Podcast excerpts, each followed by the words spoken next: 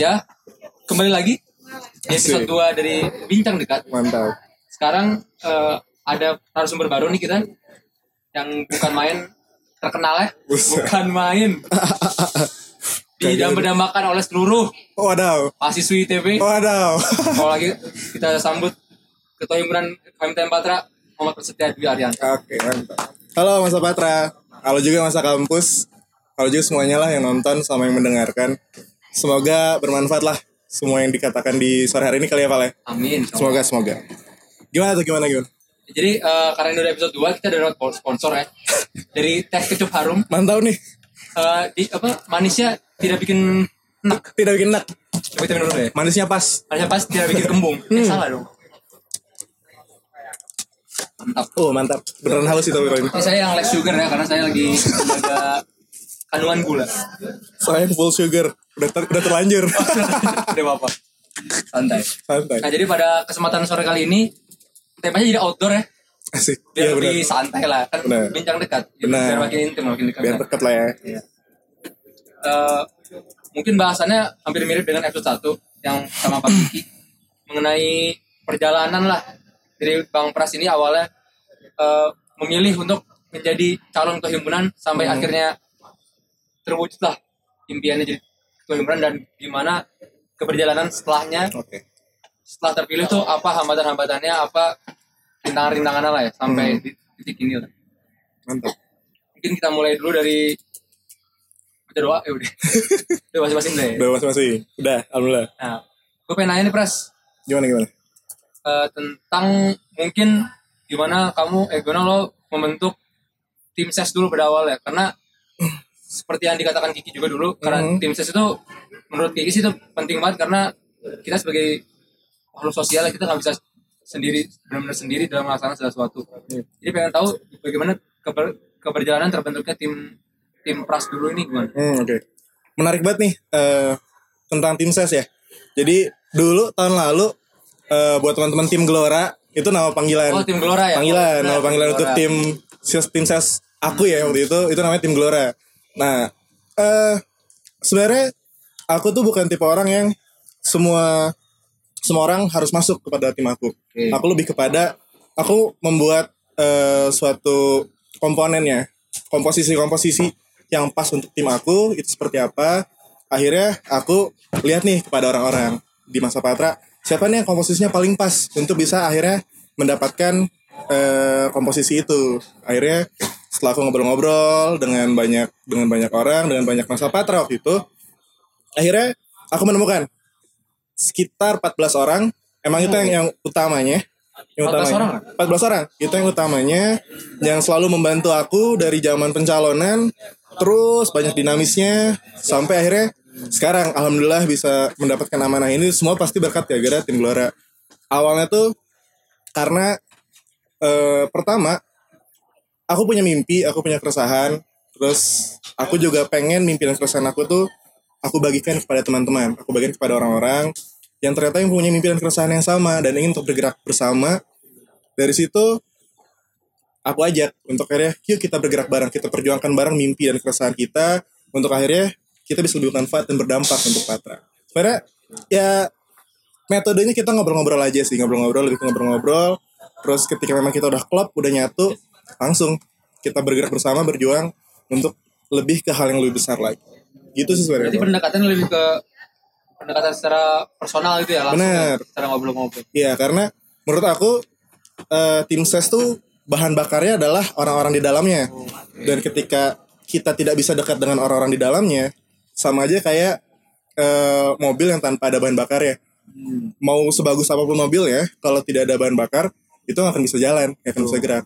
Itu yang aku selalu pikirkan. Jadi aku harus dekat setidaknya dengan tim aku sendiri. Makanya metodenya yang ngobrol-ngobrol kultural santai gitu aja sih. Kultural santai. Kultural santai. Kultural santai itu. Turunan dari pras, Hmm. kultural, kultural. Mungkin buat calon-calon juga itu bisa kan. Ah, boleh, boleh.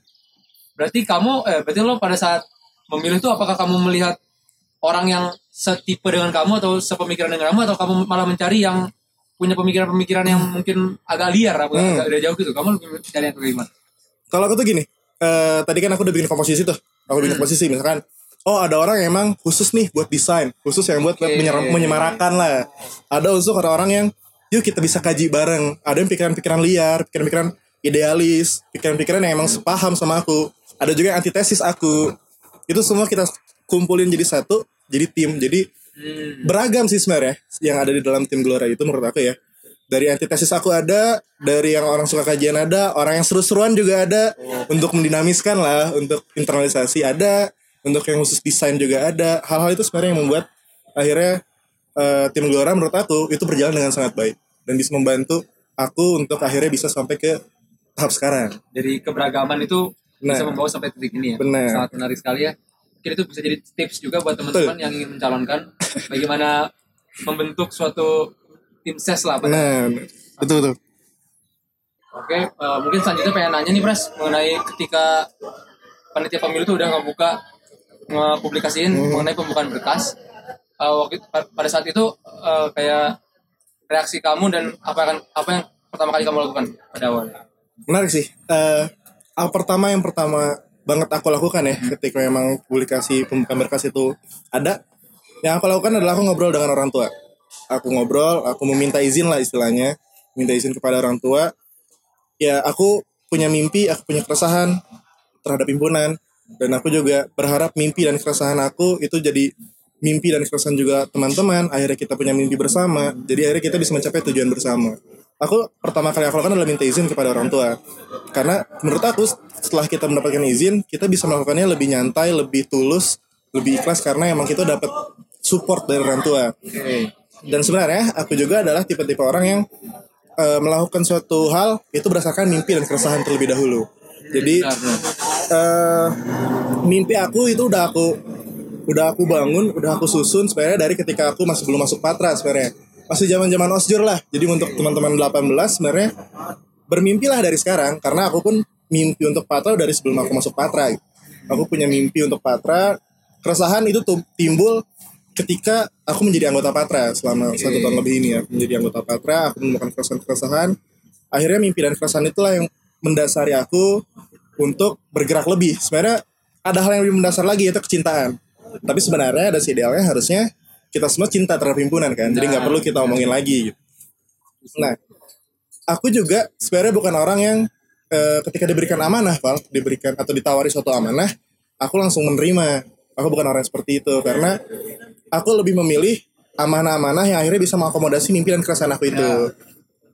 Sebenarnya itu perspektif orang aja. Jadi kayak misalkan aku aku lebih orang yang eh, berkembang dan juga lebih bisa bermanfaat ketika memang aku kayak gini aja ngobrol-ngobrol Oh, santai gitu. diskusi santai kayak berdialektika baca-baca buku. Ya kehidupan sehari-hari lah. Aku lebih bisa untuk lebih ber- berkembang di sana. Ada juga orang-orang yang memang berkembang ketika melakukan kegiatan-kegiatan eventual. Ya, betul. ketika dia punya jabatan struktural dan dia melakukan suatu hal itu dia bisa lebih terkembangkan.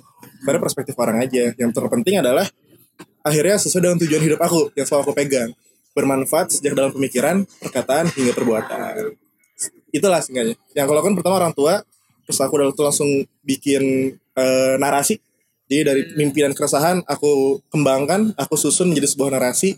Narasi itulah akhirnya aku perjuangkan untuk Patra Mungkin ini bagi teman-teman juga yang masih belum kepikiran mengenai tujuan hidup ya. Hmm. Mungkin bisa dicontoh juga kayak Bang Pras ini bagaimana dia melihat keras dari keresahan dirinya yang selanjutnya diaplikasikan Nah. benar- benar-benar dilakuin.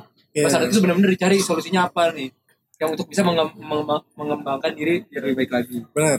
Karena eh, menurut aku ketika kita bisa melakukan hal lebih tapi kita tidak melakukan dan sesuatu hal yang sebenarnya eh, tidak mau kita terjadi dan ternyata terjadi itu mungkin salah satunya ada salah kita. Karena kita tidak mau untuk bergerak lebih. Itu yang aku selalu pikirkan. Makanya aku pengen untuk bergerak lebih lah setidaknya. Bermanfaat untuk orang. Menarik. Ini kita lanjut ke bahasan selanjutnya mengenai setelah ya setelah kamu ngambil berkas. Pas ngambil berkas tuh pengembaliannya su- sulit atau mudah sih? Hmm. Sebenarnya untuk eh, penyelesaian berkas ya di Patra sebenarnya nggak terlalu sulit, Val.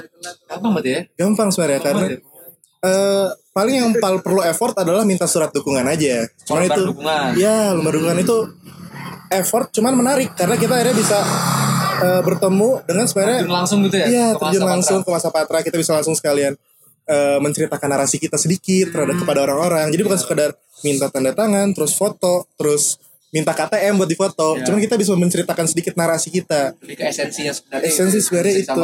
Iya, jadi bukannya sekedar meminta dukungan, cuman kita berbagi keresahan juga Iya, gitu. betul. Jadi seenggaknya eh, masa Patra tuh udah tahu dulu, oh ternyata Pras ini loh bawa progresif sinergi. Hmm. Gitu. Seenggaknya sebelum hearing akhirnya orang-orang udah pada peka duluan terhadap progresif sinerginya aku. Oke, betul. Gitu.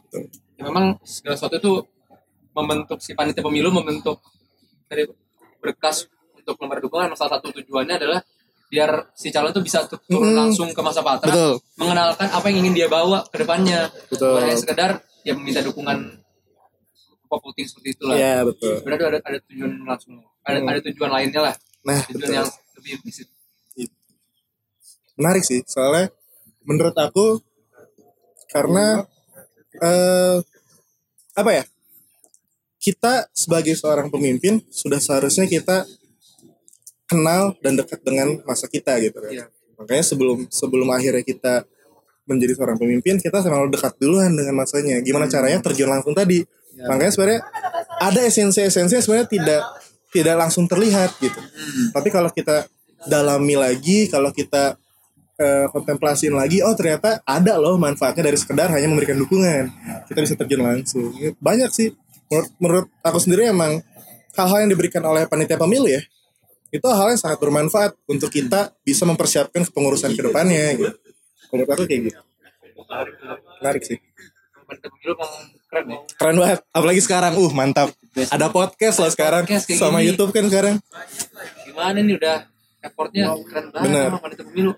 Emang bener kepengurusan sekarang tuh progresif. Progresif. Mantap. sinergi. Betul sekali. mantap. Gitu lah. Mantap Terus pas abis verifikasi kamu dapat nomor urut berapa sih waktu itu? nomor satu Hai, seru makanya hashtagnya progresif satu sinergi asik S satu ya. Satu. S sinergi. progresif satu sinergi sebenarnya nomor urut eh gak terlalu ini cuman Iya. untuk nge-brandingnya aja biar lebih keren gitu kan biar lebih lebih menyemarakan lah Dua juga coba trending. dua juga branding bisa gitu Ya, ya apalah. Iya. Ah, gak bisa. Untungnya dapat satu jadi Ya, gampang pas. untuk brandingnya Ya, pas Ya, itulah udah takdir kan kayak gitu. benar Terus mungkin kita lanjut ke setelahnya ya. boleh boleh Pas, pasca verifikasi. Untuk konten-konten yang akan kamu buat tuh apakah kamu udah ngebuat itu dari lama Hmm. apa baru setelah ada publikasi baru bikin atau Hmm. malah setelah verifikasi baru kamu bikin konten-konten konten-konten yang Oh, oh. lebih poin pada pada poin apa gitu? Nah ini bisa jadi untuk eh, evaluasi juga ya untuk para calon ya misalkan untuk bukan hanya untuk calon yang sekarang tapi calon-calon yang selanjutnya gitu kan. Yang emang mulai dari sekarang misalkan angkatan 18 berarti ya atau angkatan 19-20 yang men- menonton hal ini bisa tahu evaluasinya dari aku nih. Aku sebenarnya udah punya tadi mimpinan keresahan itu dari awal dari ya tingkat dua lah aku udah punya mimpinan keresahan itu. Cuman kebiasaan aku adalah aku hanya memikirkan ya udah di dalam pikiran aja. Tidak pernah aku tuangkan ke dalam sebuah tulisan Oke. hal itulah yang menjadi evaluasi karena eh, terkadang kita akan lupa ter- terhadap detail-detail dari mimpi kita. Ibaratnya ada missing link missing link lah yang sebenarnya tercecer di jalanan yang sebenarnya kita pernah pikirkan tapi kita lupa dan kita tidak menuliskannya. Nah, waktu zamanku waktu itu pada saat pemilihan aku baru akhirnya menuliskan narasi aku itu ketika aku selesai eh, memegang amanah menjadi koordinator lapangan waktu itu di Wisokto. Oh, warna Sabto. Ya, kamu dan labnya kan? Apa dengannya? Ya dong. Nah, Sangat seru, sangat seru. seru banget tuh, Seru banget mantap. Mengenang, eh, dikes, berkesan tapi tidak untuk diulang. betul, betul sekali. Saat berkesan itu. Saat berkesan. Nunggu wisudawan. Nunggu wisudawan itu menarik banget. Nah, Parah juga itu. akhirnya aku baru untuk benar-benar menuliskan ya sebuah draft ya kalau emang orang-orang sebutnya. Draft tuh baru ketika aku selesai Wisokto itu. Jadi itu tingkat tingkat tiga, tingkat dua. Tingkat tingkat tiga berarti ya. Tiga ya, Tingkat tiga, tingkat tiga. Oke. sebelumnya aku emang udah pernah menuliskan sedikit-sedikit lah. Misalnya mimpi aku, aku pengen Patra tuh yang emang bisa berkembang seiring perkembangan zaman. Aku ingin Patra tuh bisa untuk menunjukkan tajinya lagi. Patra tuh ingin progresif lah, aku pengen progresif dan aku ingin Patra gak mungkin satu-satunya komunitas yang ada dalam ekosistem KMITB, gak mungkin hanya Patra tuh hanya satu komunitas yang ada dalam ekosistem organisasi-organisasi atau lembaga-lembaga yang ada di luar ITB. Makanya aku pengen Patra ini bers- bisa bersinergi juga. Sebenarnya mimpi kasarnya dasarnya adalah itu. Tapi detail-detailnya itu akhirnya aku tuliskan pada saat aku selesai menjadi amanah menjadi korlap itu. Ya waktunya singkat, makanya evaluasi buat aku cobalah buat tulisan aja dari sekarang, coba buat tulisan dari sekarang. eh setidaknya tulisan itu yang akhirnya bisa digoreskan, mimpi kalian, mimpi kalian itu bisa digoreskan ke dalam sebuah tinta yang nantinya bisa kalian akhirnya kembangkan lagi, bentuk lagi lah, jadi lebih matang. Jadi lebih ke persiapan itu di- kalau bisa dari sekarang Nah, ditulis at, at least ditulisin At dulu least ya ditulis apa keresahan dulu. ka- kalian ya, apa yang ingin mungkin kalian perbaiki ke depannya ditulis dulu. Mungkin Benar. itulah yang akan membawa kamu ke selanjutnya seperti apa nantinya. Benar. seperti bang Pras ini mungkin gara-gara nulis pada saat Wisokto mungkin kalau saya pada saat dia misalnya dia jadi korlap Wisokto saya juga jadi dalam Wisokto Enggak, maksudnya kalau saya dia nggak jadi korlap mungkin dia nggak jadi kahim sekarang. Mungkin Benar. kahimnya yang lain nggak tahu siapa. Nah, karena aku ngelihatnya semua orang udah punya garis tangannya sendiri, semua orang udah takdirnya sendiri. ya ya aku merasa ketika aku sebelum menjadi ketua himpunan amanah-amanah yang aku dapatkan itu adalah yang bisa mengakomodasi tadi mimpi dan keresahan itu bisa pas gitu. Misalkan dari segi teknis lapangan ataupun non labnya ya non lapangannya itu aku dapat semuanya. Sehingga akhirnya aku bisa bermanfaat nih untuk orang-orang. Setidaknya semuanya bukannya dari segi-segi yang lapangan maupun non lapangan ataupun dari segi filosofi segi strategis maupun segi teknisnya. Oke. Nah aku pengen bermanfaat seperti itulah. Sebenarnya punya garis tangannya sendiri. Misalkan kayak Ival jadi ketua pemilu itu udah garis tangannya ya sebenarnya. Orang nggak ada yang tahu awalnya. Gak ada yang tahu. Jadi top pemilu. Aku juga nggak tahu semua Kenapa? ya. Mantap. Enggak enggak misalkan Icat Nia lagi nonton tuh kalau misalkan orang Oh, lihat lagi ketawa-ketawa di situ. Itu garis tangannya garis tangannya Kadep internal. kadep internal. Awalnya dulu in, aduh icat itu kok jadi pasti icat iya benar maaf. Terkadang emang gitu. Karena suka kayak ini emang suka ke mana-mana ada orang. Hmm, ke mana-mana apa ya waduh. Aduh. Maaf maaf, ya mau lanjutin? Nggak nggak usah. Oh, nggak usah, oke. lanjutkan aja. Mungkin bahasa selanjutnya kita ke rival ya pada saat Hmm. itu dulu bagaimana kamu memandang Hmm, rival ini mungkin dari segi konten apakah dari segi pemikiran hmm. atau dari segi personality kamu memandang rival kamu pada saat itu tuh gimana Oke. Eh, jadi buat teman-teman yang emang belum tahu, rival bukan rival sih sebenarnya aku sebutnya mitra kritis. oh mitra kritis Mitra kritis. oh, sorry sorry mitra kritis mitra kritis aku tuh adalah Daniardi waktu itu. Kita calon kahim tuh dua, calon senator dua. Hmm. Teman-teman seperjuangan aku semuanya sebenarnya. Oke. Aku dan Nadia sama Kiki. Kita berempat sebenarnya adalah orang-orang eh kalau teman-teman waktu itu ngerasa pemilu tahun lalu ya berarti angkatan 16 dan 17 waktu itu dan 15 juga ya beberapa itu merasakan sebenarnya eh atmosfer pemilunya kita lebih kepada kita bekerja sama kita Ya, betul, ya betul. kan kita bergabung maksudnya kegiatan-kegiatan yang bisa kita lakukan bersama dan itu efektif ya kita lakuin bareng gitu Benar. kenapa kita harus bekerja sendiri-sendiri gitu Ya. kan akhirnya malah membuat iklim iklim pemilu jadi tidak baik tidak Hmm. sehat akhirnya pecah dan lain-lain kan kita nggak mau hal seperti itu walaupun kompetitif kompetitif tetap ada nah aku melihat dan itu seperti aku dan dan sedang eh, apa ya namanya sedang eh, memberikan pandangan-pandangan kita sebenarnya tentang Patra ke depannya tuh ini seperti apa. Aku dengan progresif sinerginya dan dengan eh, merangkai cita Indonesianya. Sebenarnya inti dari pemilu itu adalah kita eh, beradu gagasan sebenarnya. Kita beradu gagasan. Jadi aku merasa kalau emang pemilu ini harusnya kita melihatnya lebih kepada konten. Pemilu itu eh, di mana kita misalnya kalau aku ya aku dandan berarti kita beradu gagasan di sana gagasan siapa yang paling diterima oleh masa jadi sebenarnya tidak ada namanya menang dan kalah tapi gagasan siapa yang paling diterima pada akhirnya oleh masa dan aku melihat dan sebenarnya sebagai mitra kritis aku dari gagasan aku dan melihat pras gini gini gini gini harusnya. Ya. oke terima kasih dan. Jadi eh, ada yang kritis nih mitra kritis aku. Makanya aku sebut Dani Ardi sebagai mitra kritis aku. Dari segi personality pun. Dan menurut aku adalah orang pemikir yang pemikir salah satu pemikir yang hebat di angkatan 16 Hmm. ya dia pemikir banget orangnya. Ya kan?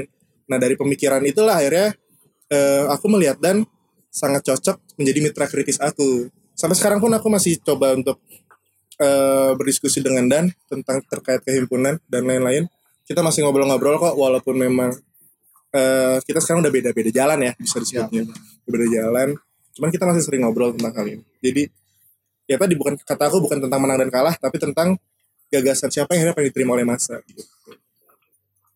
bisa bisa gue catat ya walaupun nggak ada di soalnya episode satu. Bikin satu bikin satu tidak apa-apa lah. Bener. saya catat di sini aja lah. Catatan di sini. Di, di mana pemilu itu jangan dilihat dari segi kompetisinya ya. Itu tapi bagaimana kita beradu gagasan supaya gagasan itu tuh eh bukan supaya saya yang mana gagasan itu tuh akan diterima oleh masa patra Hmm. dari mana dan tiap beradu gagasan itu tuh pun muncul juga kritik-kritik dan saran gitu kan. Nah. yang itu bisa diperbaiki ke depannya. Tuh jadi jangan dilihat lebih dari ke segi kompetisinya aja lah. Tapi lebih ke tujuan utamanya itu gagasan itu tuh bisa semakin baik ke depannya benar karena aku selalu percaya siapa pun akhirnya orang-orang berani yang maju itu pasti punya tujuan untuk patra yang lebih besar dan Ya, lebih kuat betul. patra yang lebih berkembang lagi patra yang lebih baik lagi ke depannya baik gitu ya. tujuannya pasti Nggak baik mungkin tujuannya jadi nggak mungkin tujuannya buruk makanya kita beradu gagasan aja siapa gagasan siapa yang pengen diterima jadi nggak pernah ada namanya menang dan kalah sebenarnya dalam. Gitu. terus pada saat pemungutan suara Hmm. seberapa yakin sih kamu untuk menang pada saat itu kalau yakin aku 100% sempat ada ragu aku 100% yakin 100% yakin karena aku merasa bahwa progresif sinergi aku adalah dua hal yang memang Patra butuhkan sekarang. Untuk Patra akhirnya bisa lebih berkembang, Patra yang bisa lebih baik lagi ke depannya. Aku merasa bahwa dua hal inilah yang paling dibutuhkan sekarang oleh Patra. gitu. Dan juga aku juga punya value-value yang aku turunkan juga, yang aku sebut semangat jingga. oh, iya. Makanya kalau dalam hashtag Gelora semangat jingga, semangat jingga itu adalah value-value yang akhirnya aku turunkan, coba aku turunkan ya pada masa Patra yang sebenarnya sekarang menurut aku sedang krisis identitas Patra itu sedang krisis identitas. Jadi ketika kita krisis identitas kita nggak tahu nih bergeraknya ke arah mana. Kita cenderung monoton, kita cenderung ya melakukan hal yang sebenarnya itu itu aja itu lagi itu lagi itu gitu ya. lagi jadinya high cost tapi eh, low quality and impact pada akhirnya harusnya sebuah organisasi non profit ya menurut aku harusnya low cost tapi high quality and impact makanya akhirnya aku mencoba untuk mendesain ulang value di Patra. Ada empat sih aku coba untuk merangkai value-nya ya. Pertama itu jingga kepedulian jingga pengembangan diri jingga keilmuan keprofesian dan jingga berkarya. Nah empat value inilah yang akhirnya aku harap ke depannya bisa jadi identitas Patra.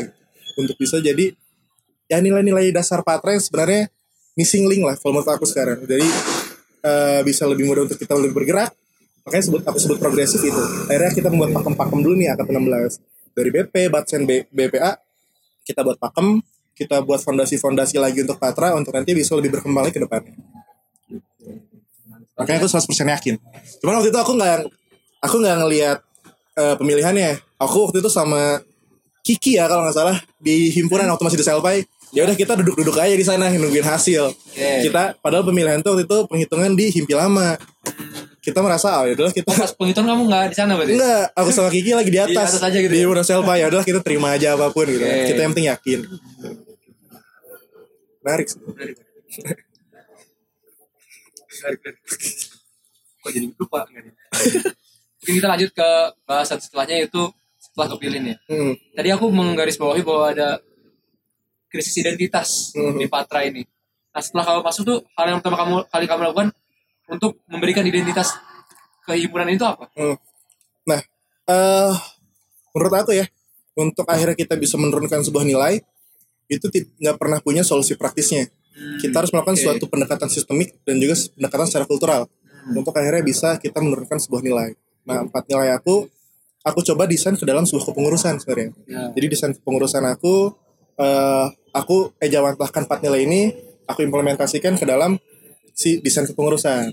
Akhirnya kepengurusan aku kepengurusan yang emang lebih internal lah, maksudnya kita bisa lebih merangkul satu sama lain. Terus juga dari pengembangan dirinya kita bener-bener nih dari PSDA bener-bener membuat suatu sistem emang sistem yang baru.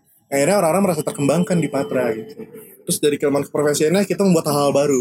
Kita membuat di divisi eh di departemen eksplorasi ya di divisi keprofesianan terutama kita membuat hal-hal baru kita membuat gebrakan-gebrakan baru kita membuat hal-hal yang sebenarnya belum pernah terpikirkan tapi harapannya itu bisa jadi fondasi awal untuk ke depannya.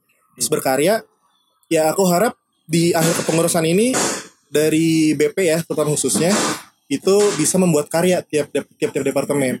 Jadi kita eh, membuat dulu menginisiasi atmosfer berkaryanya dari dari kepengurusan sekarang. Sebenarnya kalau menurut aku nggak ada solusi praktisnya. Jadi emang harus ada pendekatan secara sistemik dan juga kultural untuk akhirnya bisa menanamkan nilai untuk akhirnya bisa itu jadi sebuah identitas Oke. harus dimulai dari emang eh, pengurus-pengurusnya dulu setidaknya ya dari pengurus-pengurusnya dari angkatan 16 lah berarti sekarang emang sedang memegang Sedang ja- megang ya. jadi badan kelengkapan harus punya nilai itunya dulu baru bisa diturunkan kepada yang lain Bisa jadi tips juga ya buat teman-teman yang pengen calon.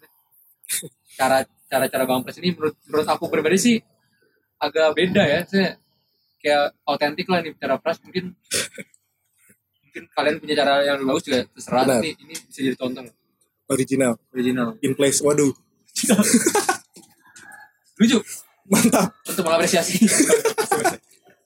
Biar asik aja Biar asik biar, asik, biar nggak kaku saya lah. tahu-tahu mulu. Bener. Kebiasaannya Jadi udah bahas mengenai identitas. Dibentuk secara sistemik dan kultural. Kita bahas nih tentang kultural nih. Mungkin di angkatan 17 nih sangat melekat ya kultural ini oleh Pras sih. Kultural tuh maksudnya apa sih? kultural tuh jadi gini eh, sesuatu yang sebenarnya tidak tidak perlu kita struktur ada hal strukturnya Oke. lebih ke arah afektif sih kalau menurut aku ya jadi kultural tuh Iya. bagaimana kita bisa tahu peran kita kita bagaimana kita bisa tahu sebenarnya apa yang kita lakukan walaupun itu tidak pernah terpikirkan oleh orang tapi bisa berdampak banyak akhirnya ya sebenarnya kegiatan-kegiatan kultural kayak gitu maksudnya kalau misalkan dalam suatu kepengurusan ya Ya. ada kegiatan struktural dan kultural. Struktural misalkan kegiatan-kegiatan yang memang sudah di step di eh, draft draft kepengurusan. Hal-hal yang memang kayak proker-proker lah itu kegiatannya Iya. struktural. Kultural sebenarnya kayak kita nobar, nobar di himpunan gitu-gitu, terus babakaran. Itu hal kultural yang sebenarnya tidak di step dan juga tidak apa ya tidak tidak awalnya tidak dipikirkan tapi kita lakukan untuk akhirnya tetap bisa menjawab tujuan Misalkan tujuan aku tadi aku pengen kepengurusan yang emang merangkul semuanya. Aku pengen kepengurusan yang emang low cost tapi high quality and impact. Karena aku lakuin kegiatan-kegiatan kultural. Bareng dengan eh, yang lain yuk kita adain lah kegiatan-kegiatan kultural. Kayak kita ngobrol-ngobrol santai sama Mas Patra terus juga kayak podcast gini sebenarnya awalnya tidak pernah terfikirkan. Tidak pernah. cuman akhirnya kita buat Ada gebrakan gagasan baru. benar. ya, Kita buat lah. akhirnya gebrakan baru inilah akhirnya. ya seperti itulah yang itu tetap bisa menjawab tujuan ya. Intinya itu. Ya, Teman-teman bisa menilai lah yang mungkin yang 17 udah pernah di kepengurusan 15 perbandingannya dengan yang 16 itu seperti apa mungkin bisa dilihat langsung lah. Bisa Iya. nggak usah kita sebutin di sini. Bisa kalian rasakan sendiri Iya. bagaimana perbedaannya ya.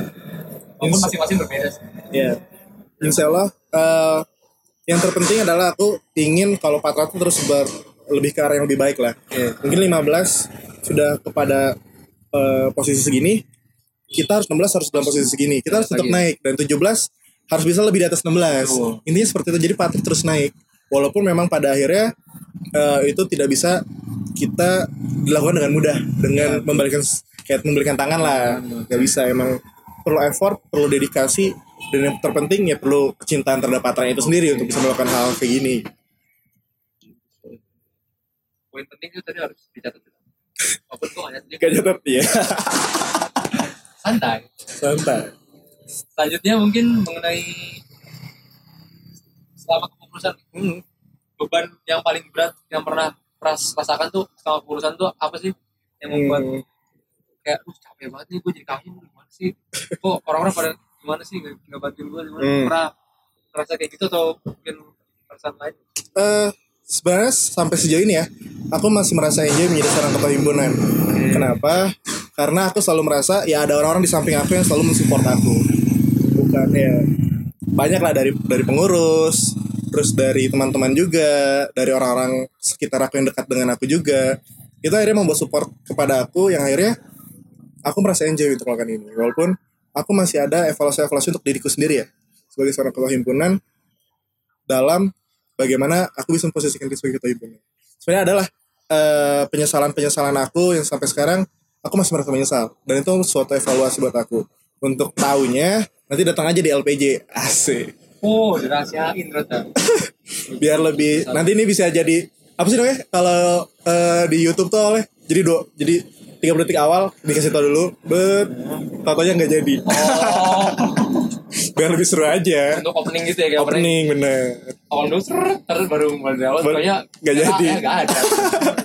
Ya intinya maksudnya eh menjadi seorang ketua himpunan bukan bukan untung dan rugi, tapi bagaimana akhirnya kita bisa melayani, bisa untuk akhirnya eh kita lah har- harus jadi orang-orang yang memang paling dekat dengan masa, akhirnya paling bisa untuk mengkoordinir masa dan akhirnya bisa untuk menjadi tempat di mana orang-orang atau masa patra itu merasakan kehadiran seorang ketua himpunan di sana.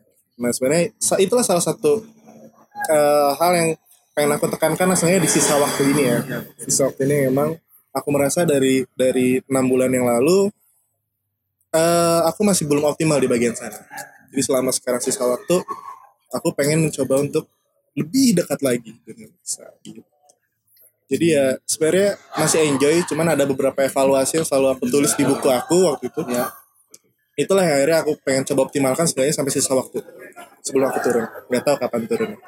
Aku sebagai masa patra merasa pa- pas pras ini udah deket banget kok sama masa-masa. Waduh, terima Gitu kasih. ya, aku pribadi merasa seperti itu.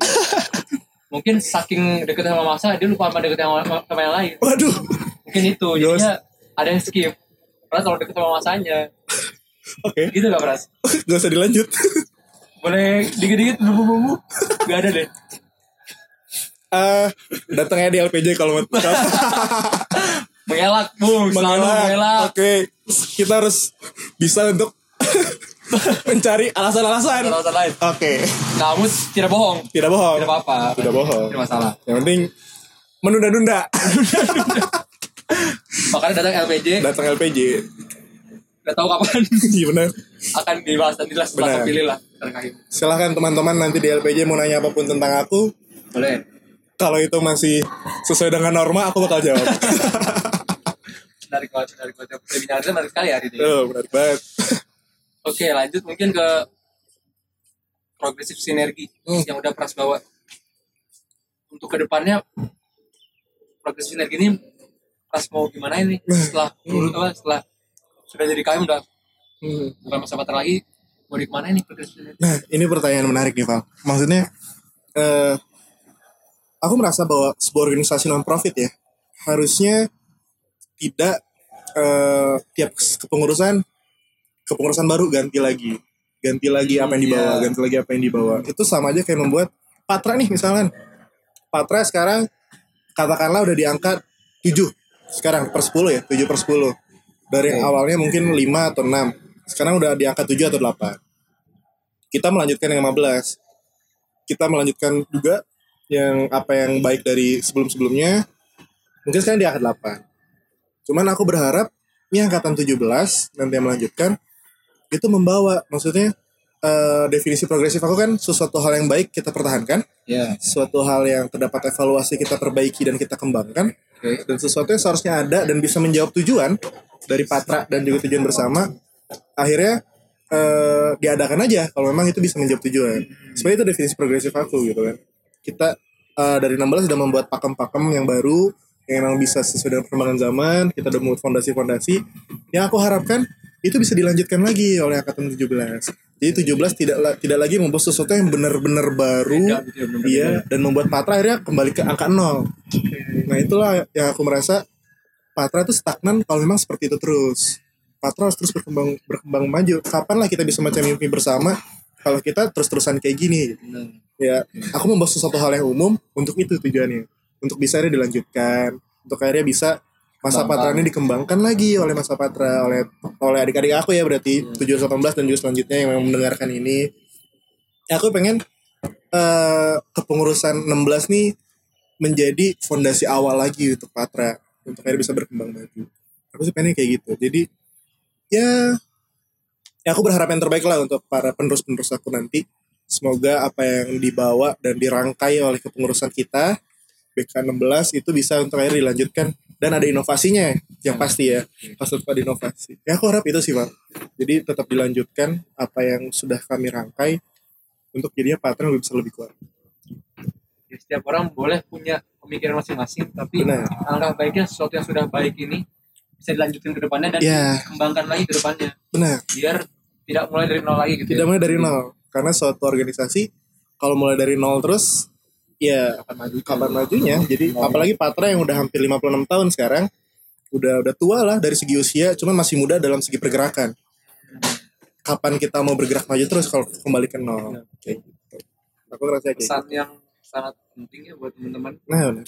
Apalagi yang ingin maju bahwa kembali lagi tadi jangan sampai ini yang udah di bawah nih yang udah yang udah di titik ini tuh Hmm. ditinggalin dan kalian mulai dari bawah lagi. bawa lagi.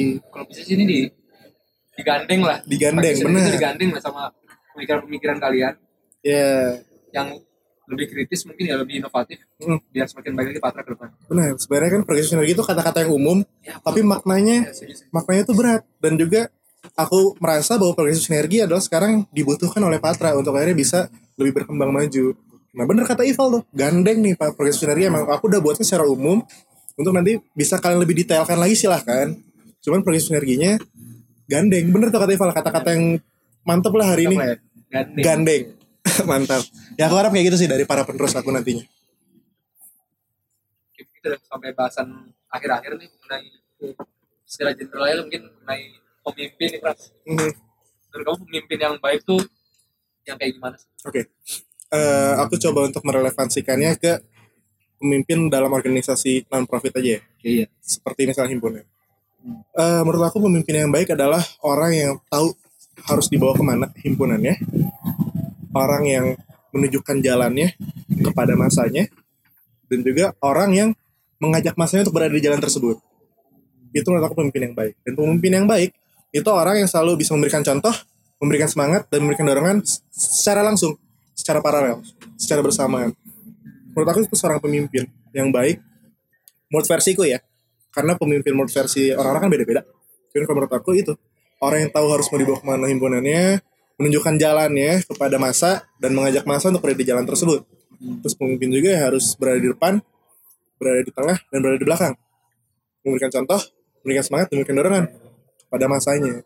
Ya bisa dibilang pemimpin orang yang harus paling terakhir inilah harus orang yang paling terakhir terjatuh. Ketika yang lainnya eh, sedang capek ya sedang lelah gitu lah. Jadi kita harus kita harus jadi apa ya orang yang paling dibutuhkan bisa Oke. karena semua orang pasti ingin seorang pemimpin gini gini gini Hmm, tapi benar. kita nggak pernah tahu nih sebenarnya orang yang butuh masa tuh butuhnya pemimpin seperti apa jadilah seperti yang masa butuhkan kalau aku seperti itu sih. mungkin ya pesan dari Bang Pers ini penting dan harus diaplikasikan sih benar Benar. pemimpin ini jangan sampai euforia misalnya kalian terpilih itu terlalu berlebihan gitu ya sehingga kalian lupa sebenarnya esensi kalian itu sudah dipilih itu ya kembali ke masanya gitu hmm.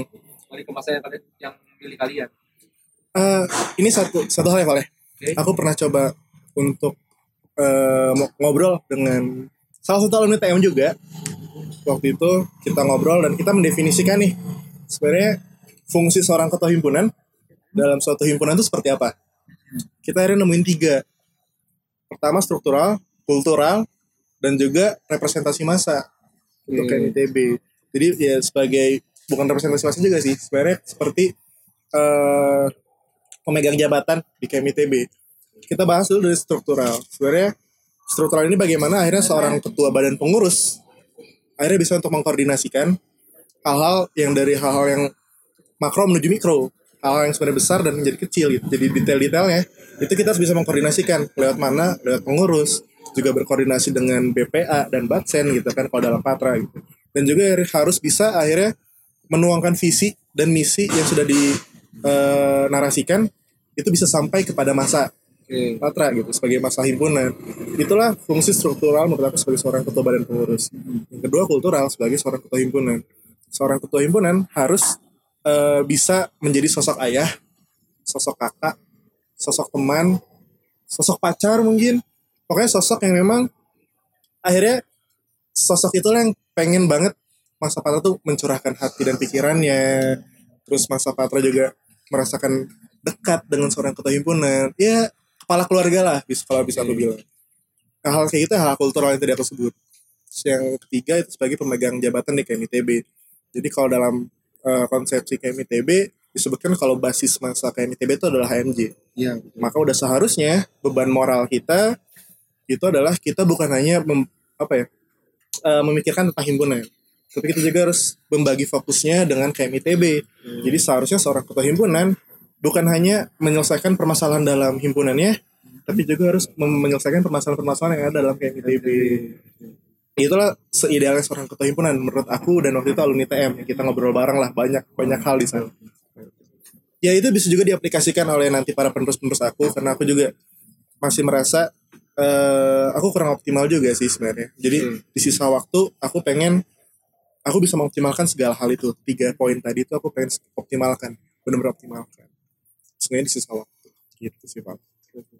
tiga poin penting ya mengenai struktural, kultural dan representasi massa untuk seorang pemimpin perlu dicatat karena saya juga nyatat karena itu ya bisa dibawa nggak cuma mungkin nggak cuma di himpunan ini Ya benar. ke depannya mungkin juga bisa diaplikasikan juga mengenai Iya benar tuh. tiga poin mengenai kepemimpinan ini Benar-benar. mungkin pesan terakhir Pras untuk Hmm, who's next nih asik. mengenai pemimpin selanjutnya pesan Hmm. terakhir mungkin yang kamu pengen sampaikan Oh oke. Pesan terakhir ya. Pes- Pesan-pesan bukan pesan terakhir sih. Jatuhnya kayak eh, pesan untuk dari pendahulu kepada Iya, penerus. iya. Asik. Eh, di video ini ya maksudnya ya di video ini ya. Jadi eh pesanku dari yang akan menjadi pendahulu kepada kalian yang akan menjadi penerus. Asik. keren. Keren, Pak.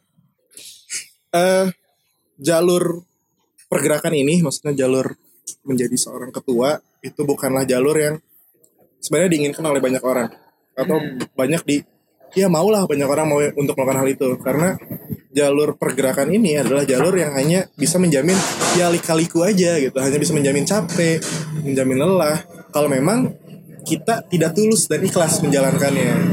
Makanya pesanku untuk kalian para penerusku nantinya lakukan segala hal ini dengan tulus dan ikhlas. Tekadkan bulat. Eh salah bulatkan tekad kebalik.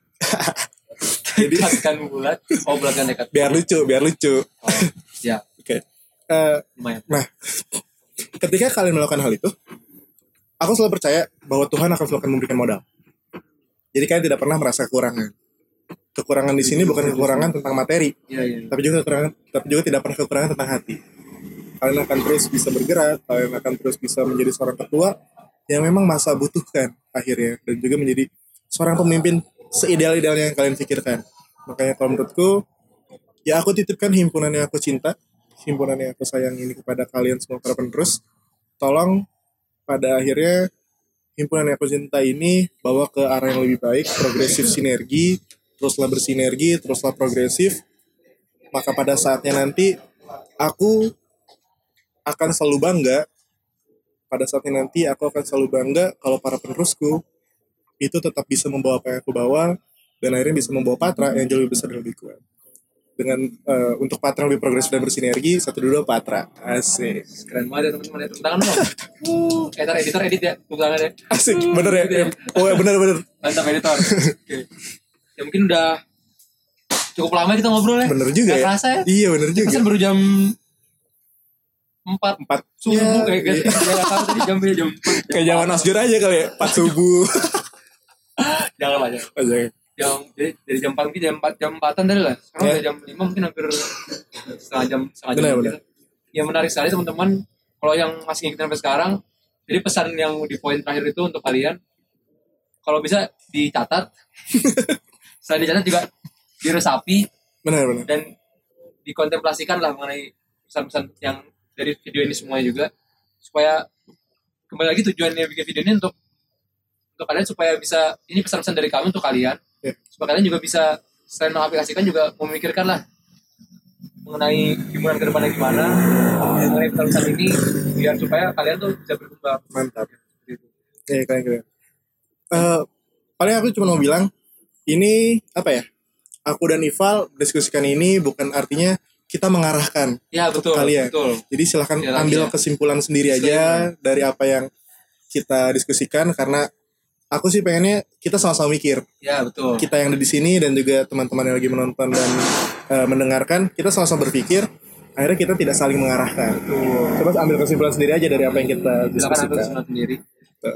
kita tidak mengarahkan sama sekali semangat aja untuk yang lagi mau jadi penerus untuk mungkin himpunan-himpunan lain juga yang lagi nonton yang emang Nah. lagi jadi masa pencalonan ya ini dalam sudut pandang Patra ya lah dalam sudut pandang aku sebagai ketua himpunan dan Ival sebagai ketua pemilu ya ini Patra gitu mungkin teman-teman bisa lebih mengaplikasikannya dan lebih relevan juga kepada himpunan-himpunan yang lain sebenarnya boleh dilihat ya boleh dikembangkan juga. Ya silahkan.